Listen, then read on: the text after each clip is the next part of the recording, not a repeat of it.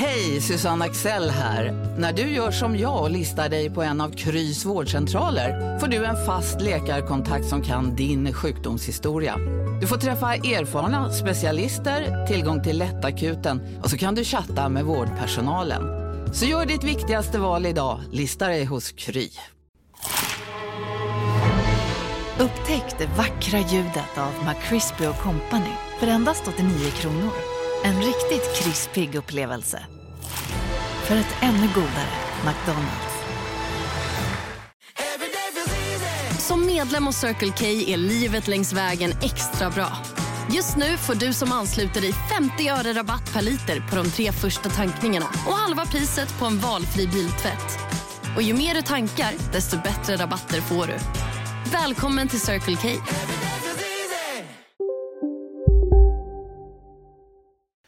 Välkommen till Universums hemligheter, din podcast om det mystiska och övernaturliga. Jag är din värd, Oskar Panizza, och jag är redo att ta dig på en spännande resa till en värld bortom det vi kan se med våra egna ögon.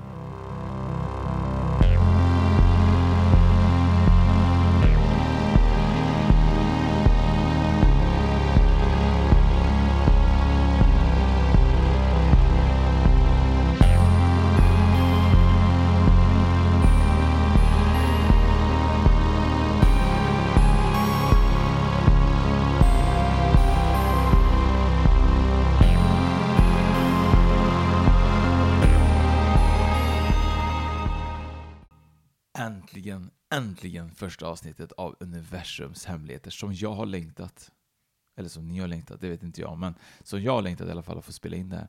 Men det har varit en sån här battle i mitt huvud om vad jag ska prata om som första avsnitt. Jag har varit så här inne på så här, eh, utomjordingar, spöken, arkeologiska fynd, pyramider, jättar, eh, Anunnaki, så här. Men bara igår så satt jag bara i soffan och så bara, pff, det bara kom till mig. Jag bara, det här är ju det jag verkligen tycker är kul. Och det är ju verkligen det som jag har verkligen tagit reda på rätt mycket om. Som jag tycker är supermystisk och jag tycker att det är någonting som ni alla bör ta del av. Och det handlar om försvinnande i nationella parker i USA. Allt började med att det var en man som heter David Politis och eh, han var och besökte en nationalpark och han träffar på en park ranger. Park rangern och David börjar prata, jag säger David, men han, heter, han är inte svensk då, så jag säger David, men David då, David, fuck it, whatever. Eh, de börjar prata och det visar sig att eh, Park Rangern får reda på att David Politis är för detta polis och eh, börjar berätta att det, det händer så mycket i våra nationella parker som våra myndigheter börjar eh, söka efter, efter de här försvinnanden. Men de kommer ingen vart med det. Och eh, det är väldigt konstigt att man inte lyfter upp det mer i media och försöker ta reda på vad som verkligen händer. Eh, David Polides blir nästan chockad av det han hör så att han förstår inte riktigt eh, vad är det som pågår i dessa nationella parker. Så han blir nyfiken som självklart för han har ju varit polis. Och eh, han börjar rota i det här och ta reda på lite mer om dessa fall och han då till slut då, när han har gjort det här så har han skrivit en bok som heter Missing 411. Och dessa är ju då, kommer från antalet försvunna personer som Polides har dokumenterat i sin forskning. Polides hävdar att många av dessa fall har jätteovanliga och oförklarliga omständigheter. Han går ut och även och säger att det kan vara så att det är vilda djur, psykiska störningar, eh, Eh, som ligger bakom dessa försvinnanden. Men det mest intressanta, och det är därför vi pratar om det idag, det är att han även säger att det kan vara utomjordingar och övernaturliga krafter. Det här är så sjukt spännande. Och det är någonting som jag tycker att eh, alla bör ta eh, lite information om. Sen sitter inte vi med några svar och vad som har hänt och, och så vidare. Men jag tänker att vi kommer prata om Missing 411 säkert ett par gånger i den här podden framöver.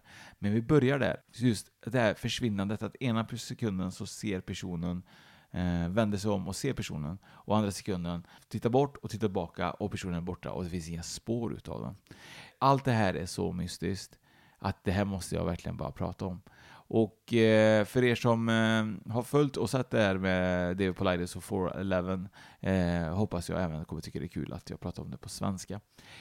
Men eh, ja, ni kanske frågar, har detta med någonting med universums hemligheter att göra? Och det tycker jag eftersom vi inte har en aning vad som händer där ute i dessa nationella parker. Är det eh, utomjordingar som tar dem? Är det Bigfoot som tar dem? Vad är det som händer där ute? Och vi kommer att prata om eh, barn som försvinner ifrån eh, bland annat låsta bilar och eh, lite annat. Luta dig tillbaka och slappna av.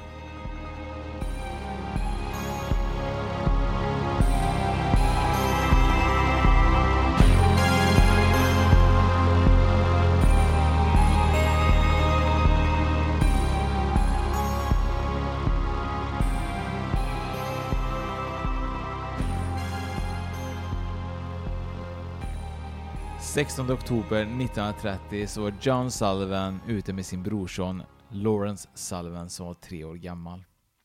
De hade åkt ut till Nevadaöknen för att leta efter guld.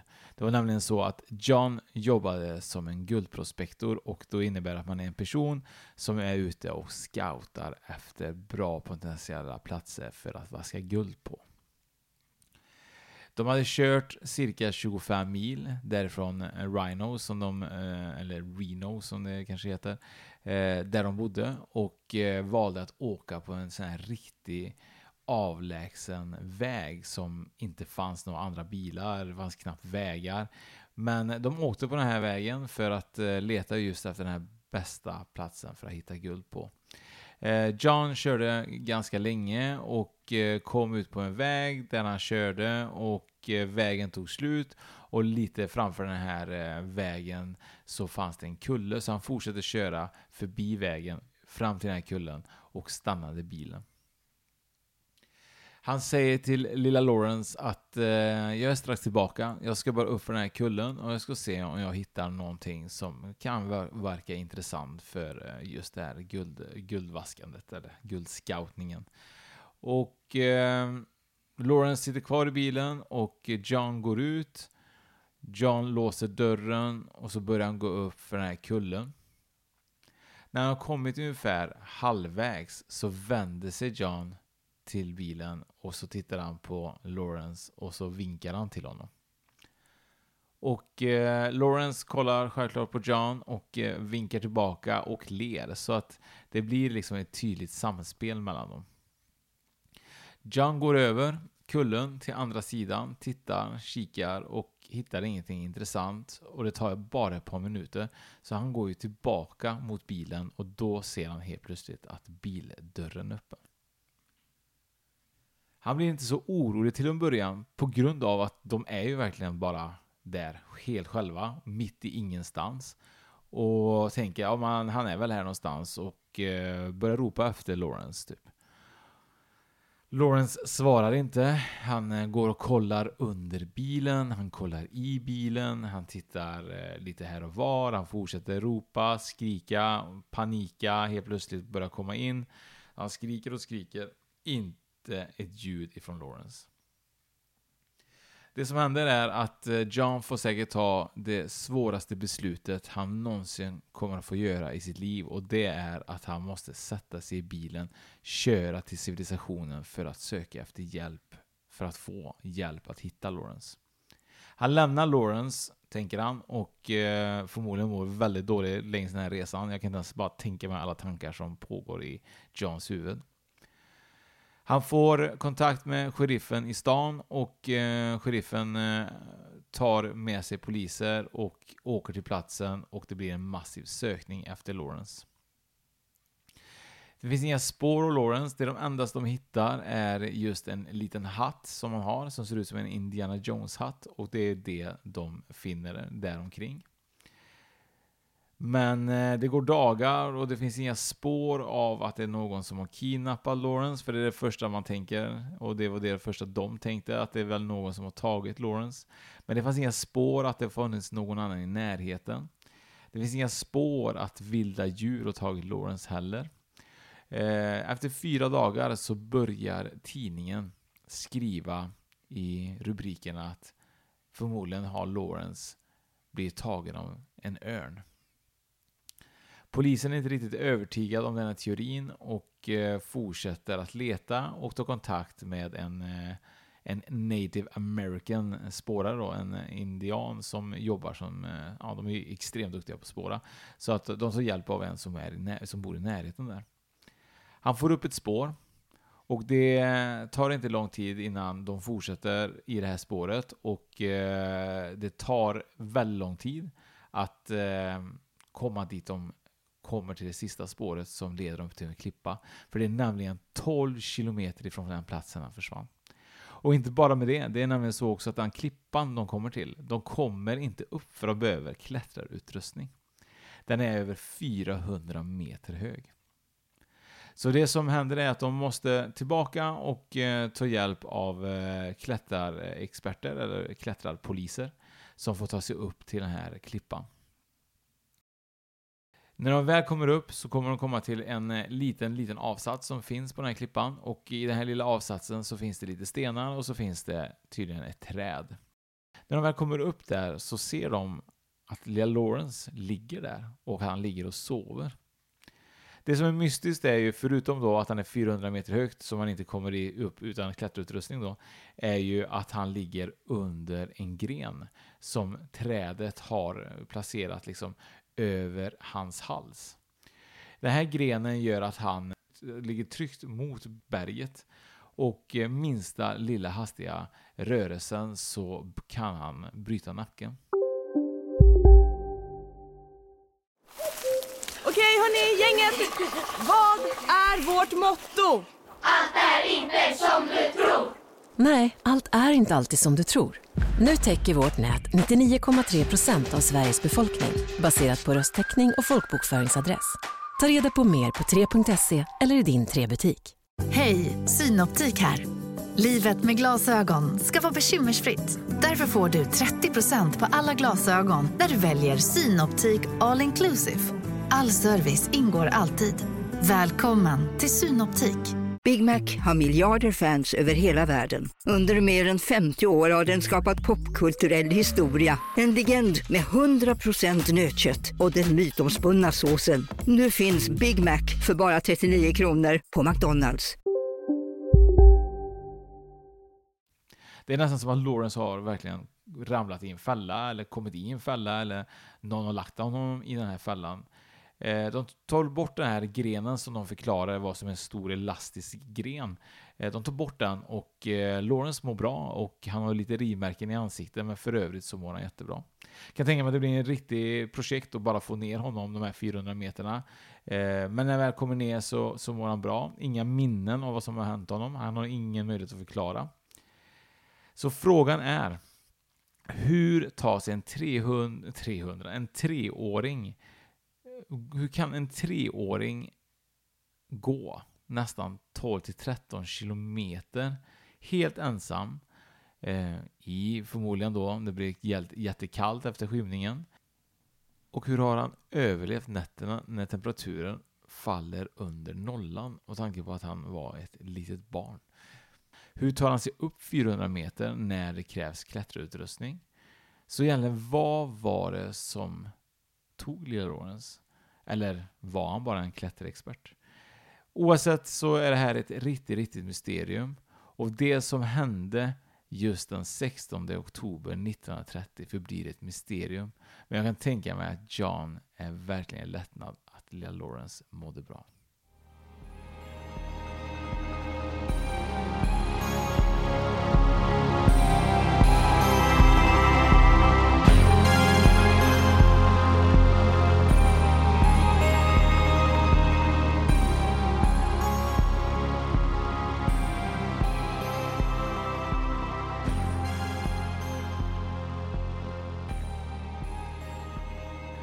Jag vet, jag vet att jag sa i början att jag skulle berätta om några incidenter och händelser som hade hänt om barn som hade försvunnit från låsta bilar. Men jag tog mig friheten och ändrade faktiskt eh, och ska berätta om eh, Dennis eh, som försvann 1969 på Fars dag. På Fars dag 1969 så åkte sexåriga Dennis och hans två bröder Martin och Lloyd tillsammans med deras pappa och farfar för att fira fars dag på Smoky Mountain som var en årlig tradition för familjen. Väl framme på deras, på deras plats, där de brukar alltid vara, deras campsite, så packar de upp och installerar sig och har en fantastisk dag tillsammans. Dagen efter så passerar en annan campare som är i närheten av deras plats och ser att Dennis och hans bröder är typ i samma ålder som hans barn. Han tar sig friheten att fråga deras pappa om det är okej okay att hans barn leker med hans barn, för att de är ju som sagt i samma ålder. Pappan tycker att det är självklart, det är inga konstigheter, det är bara att komma och leka. Han tycker att det är roligt för barnen att ha några andra i sin ålder att leka med. Mannen kommer tillbaka med barnen och eh, de börjar leka kurragömma. Dennis pappa säger att han hade bra koll på Dennis när de lekte kurragömma och att han höll ögonen på honom hela tiden, tanke på att han var så liten. De skulle köra en sista omgång och då skulle de gömma sig för sina föräldrar. Vid en liten stund av letande så ropade de att nu var det dags att komma fram från deras gömmor vart de än var. Alla kom fram, men inte Dennis. Dennis pappa säger att han såg Dennis gömma sig bakom ett specifikt träd. Han tittade på honom hela tiden då han var så liten. Han var inte orolig till en början då han visste verkligen var han skulle vara. Han går fram mot trädet och ropar på Dennis. Dennis, kom fram nu. Du kan komma fram nu, jag vet att du är bakom trädet.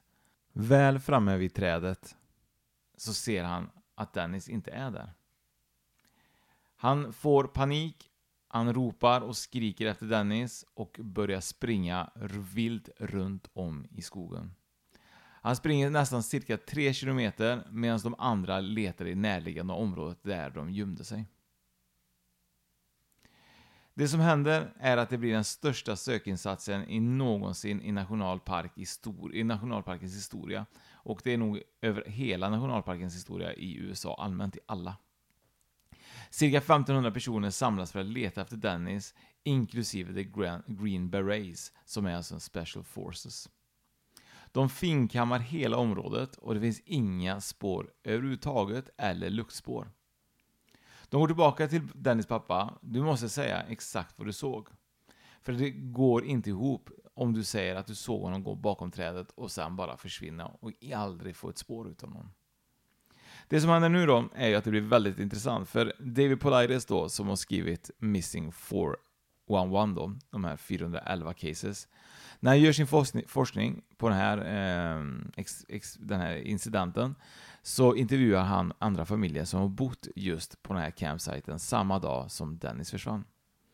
En av familjerna, som heter Keys Family, Eh, berättar att de hade pratat samma dag med en park ranger och frågat honom vart det fanns en största möjlighet att se en björn. Park ranger svarade att det ni måste göra är att vara extremt försiktiga, för att det är ju ingenting som man vill råka ut för att träffa en björn, men vill ni verkligen försöka så får ni gå åt det hållet. Familjen går åt det hållet och ett av deras barn tycker att han hör ett skrik och kollar åt just det hållet som ropet kommer ifrån. Hela familjen tittar åt det hållet eftersom han ropar på sina föräldrar att han hör ett skrik och att de ska titta åt det hållet. Alla tittar upp mot den här backen som ljudet kommer ifrån. Och där finns en hel del träd, men det är ganska stor mellanrum mellan de här träden. Så man ser, kan man säga, lite grann eh, emellan alla de här stora träden. Eh, det som man ser och det de berättar är att man kan se att det är som en, en björn som håller ett barn över sin axel. Men det som är underligt är att den inte har ett björnbeteende, för den springer nästan som en vanlig människa, men den är hårig som en björn. De berättade, de berättade detta för nyheterna och myndigheterna, men det var ingen som tog det på allvar. De trodde säkerligen nog att det var så att de ville ha lite rampljus och att de ville verkligen få sin så här one minute of fame. Men eh, de berättar att det var verkligen så. De såg någonting behårigt och som sprang i den här skogen med någonting som såg ett barn över axeln. Det hade aldrig blivit offentliggjort förrän David Polides gjorde sin utredning, som eh, tyvärr inte fick, eh, kanske just på den dagen det hände, kanske hade på något sätt räddat Dennis, det vet man inte. Tyvärr har ju aldrig Dennis återfunnits och ingen vet vad som har hänt just 1969 på Fars dag i Smoky Mountain.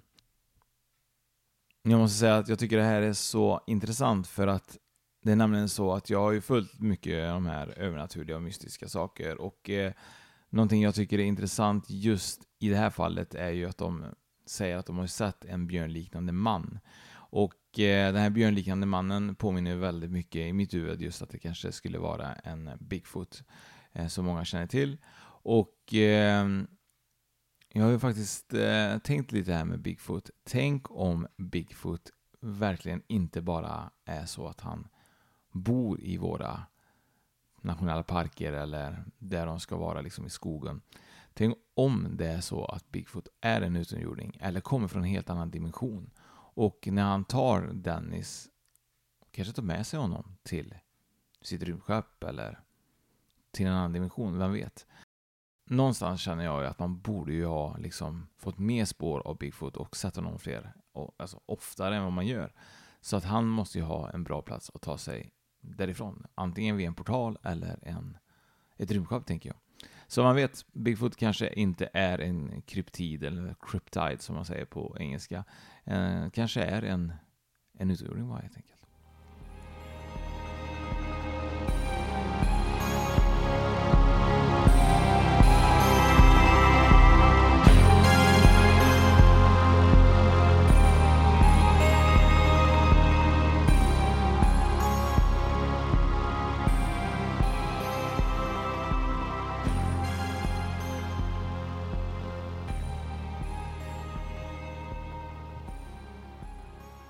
19 september 2013 så valde 69-åriga Amy Lineker och hennes vän 63 år gammal Joe Blatesy, som jobbar som fysiker, att åka till the Crater of the Moon Park. Idag är det en helt inaktiv vulkan, men det sägs att det kan bli en aktiv vulkan om cirka 1000 år. Men för tillfället så är det en jättefin park som gör att när du går där så känns det som att du är på en helt annan planet. Det finns inte mycket som växer runt omkring på grund av att det ser ut som att det är krater, det är lavastenar och det är även lavadelar som verkligen är fortfarande lite varma. Och eh, under allt det här så finns det lavatunnlar och grottor under jorden. Och man kan gå där under och jag skulle nog inte rekommendera att man gör det tanke på att dessa tunnlar är extremt, extremt långa. Eh, det sägs att det är cirka 1700 kilometer. Det betyder alltså att det är ungefär, för att ge en perspektiv på det, att det är som att åka från Kiruna ner till Halmstad som tar ungefär cirka 20 timmar med bilen. Den 21 september skulle dessa damer åka hem och eh, höra av sig förmodligen till sina nära och kära. Men när ingenting hörs från dem så blir deras nära och kära jätteoroliga och börjar ringa i deras telefoner och inget svar från varken Amy eller Joe. De ringer väldigt, väldigt mycket och till slut så tar de tag i myndigheterna. Den stora sökinsatsen börjar 24 september, alltså fem dagar efter de har åkt till Crater Moon Park. Omedelbart börjar de ju liksom söka efter dem och omedelbart hittar de även deras pickupbil. Det man finner är att deras två hundar är i bilen och lever och mår bra. I framsätet var deras mobiler och deras handväskor, men det fanns inga spår av Amy eller Joe. Men inom 24 timmar så hittar man Amys kropp och eh, det är faktiskt en bit bort från huvudleden. Och parkansvarig säger att kroppen hittas på en plats som är oerhört otillgänglig och svårt att ta sig till. Det finns nämligen i den här parken lite cementstigar som eh, vävs samman lite med just en skållande het lava. Och eh, det är förbjudet att gå där och det finns även sprickor i marken och det gör nämligen att det blir ännu större risk för dig att falla ner och falla ner i en av tunnlarna. Så att eh, de här damerna känns nog inte som att de var så superäventyrliga så det känns väldigt underligt att de skulle lämna huvudleden och verkligen utforska på egen hand på det här sättet. Eh, det som familjen också tycker är väldigt underligt då, det är just att de har lämnat sina hundar i bilen. För det är någonting de aldrig, aldrig någonsin skulle göra, säger de. De tror nämligen att det måste ha varit någonting annat inblandat, just att Amy var död. Sökinsatsen fokuserar på området där man hittar Amy för att få se om man kunde hitta även Joe. Man tog in helikopter, man tog även gruvarbetare som gick i lavatunnlar och grottorna. Eh, men man fann inga spår av Joe. 23 oktober fann man hennes kropp cirka 1,6 kilometer ifrån där man hittade Amy. I en liknande otillgänglig plats som man måste ta sig förbi sprickor och lava och allt det här som exakt Amy hade fått göra.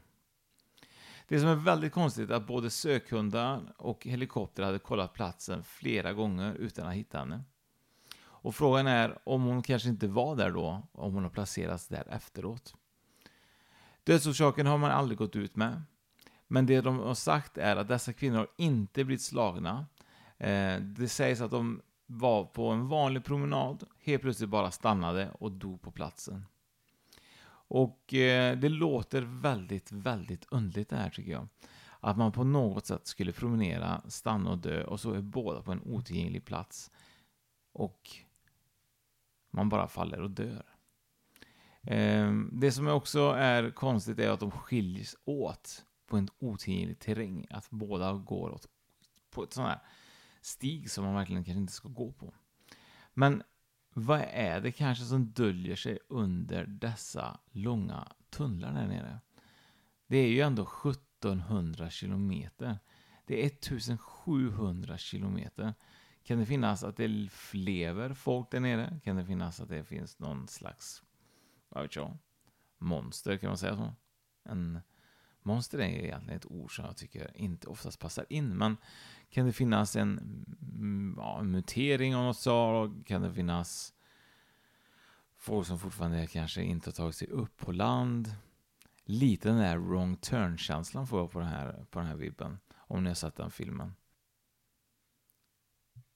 De här 411 Missing har verkligen eh, skapat ett intresse hos mig. Jag hoppas att det även finns ett intresse hos er att höra mer utav dessa. Jag tror att eh, Polides har faktiskt någonting eh, på gång och jag hoppas eh, verkligen att vi får lite mer ljus på alla de här fallen framöver. Men tills dess i alla fall så är det ju en av universums hemligheter tills vi får låst upp den dörren på riktigt. Så tack så hemskt mycket till er alla som har lyssnat idag på universums hemligheter och eh, till nästa gång då som förhoppningsvis blir inom en snar framtid. Ha det gott.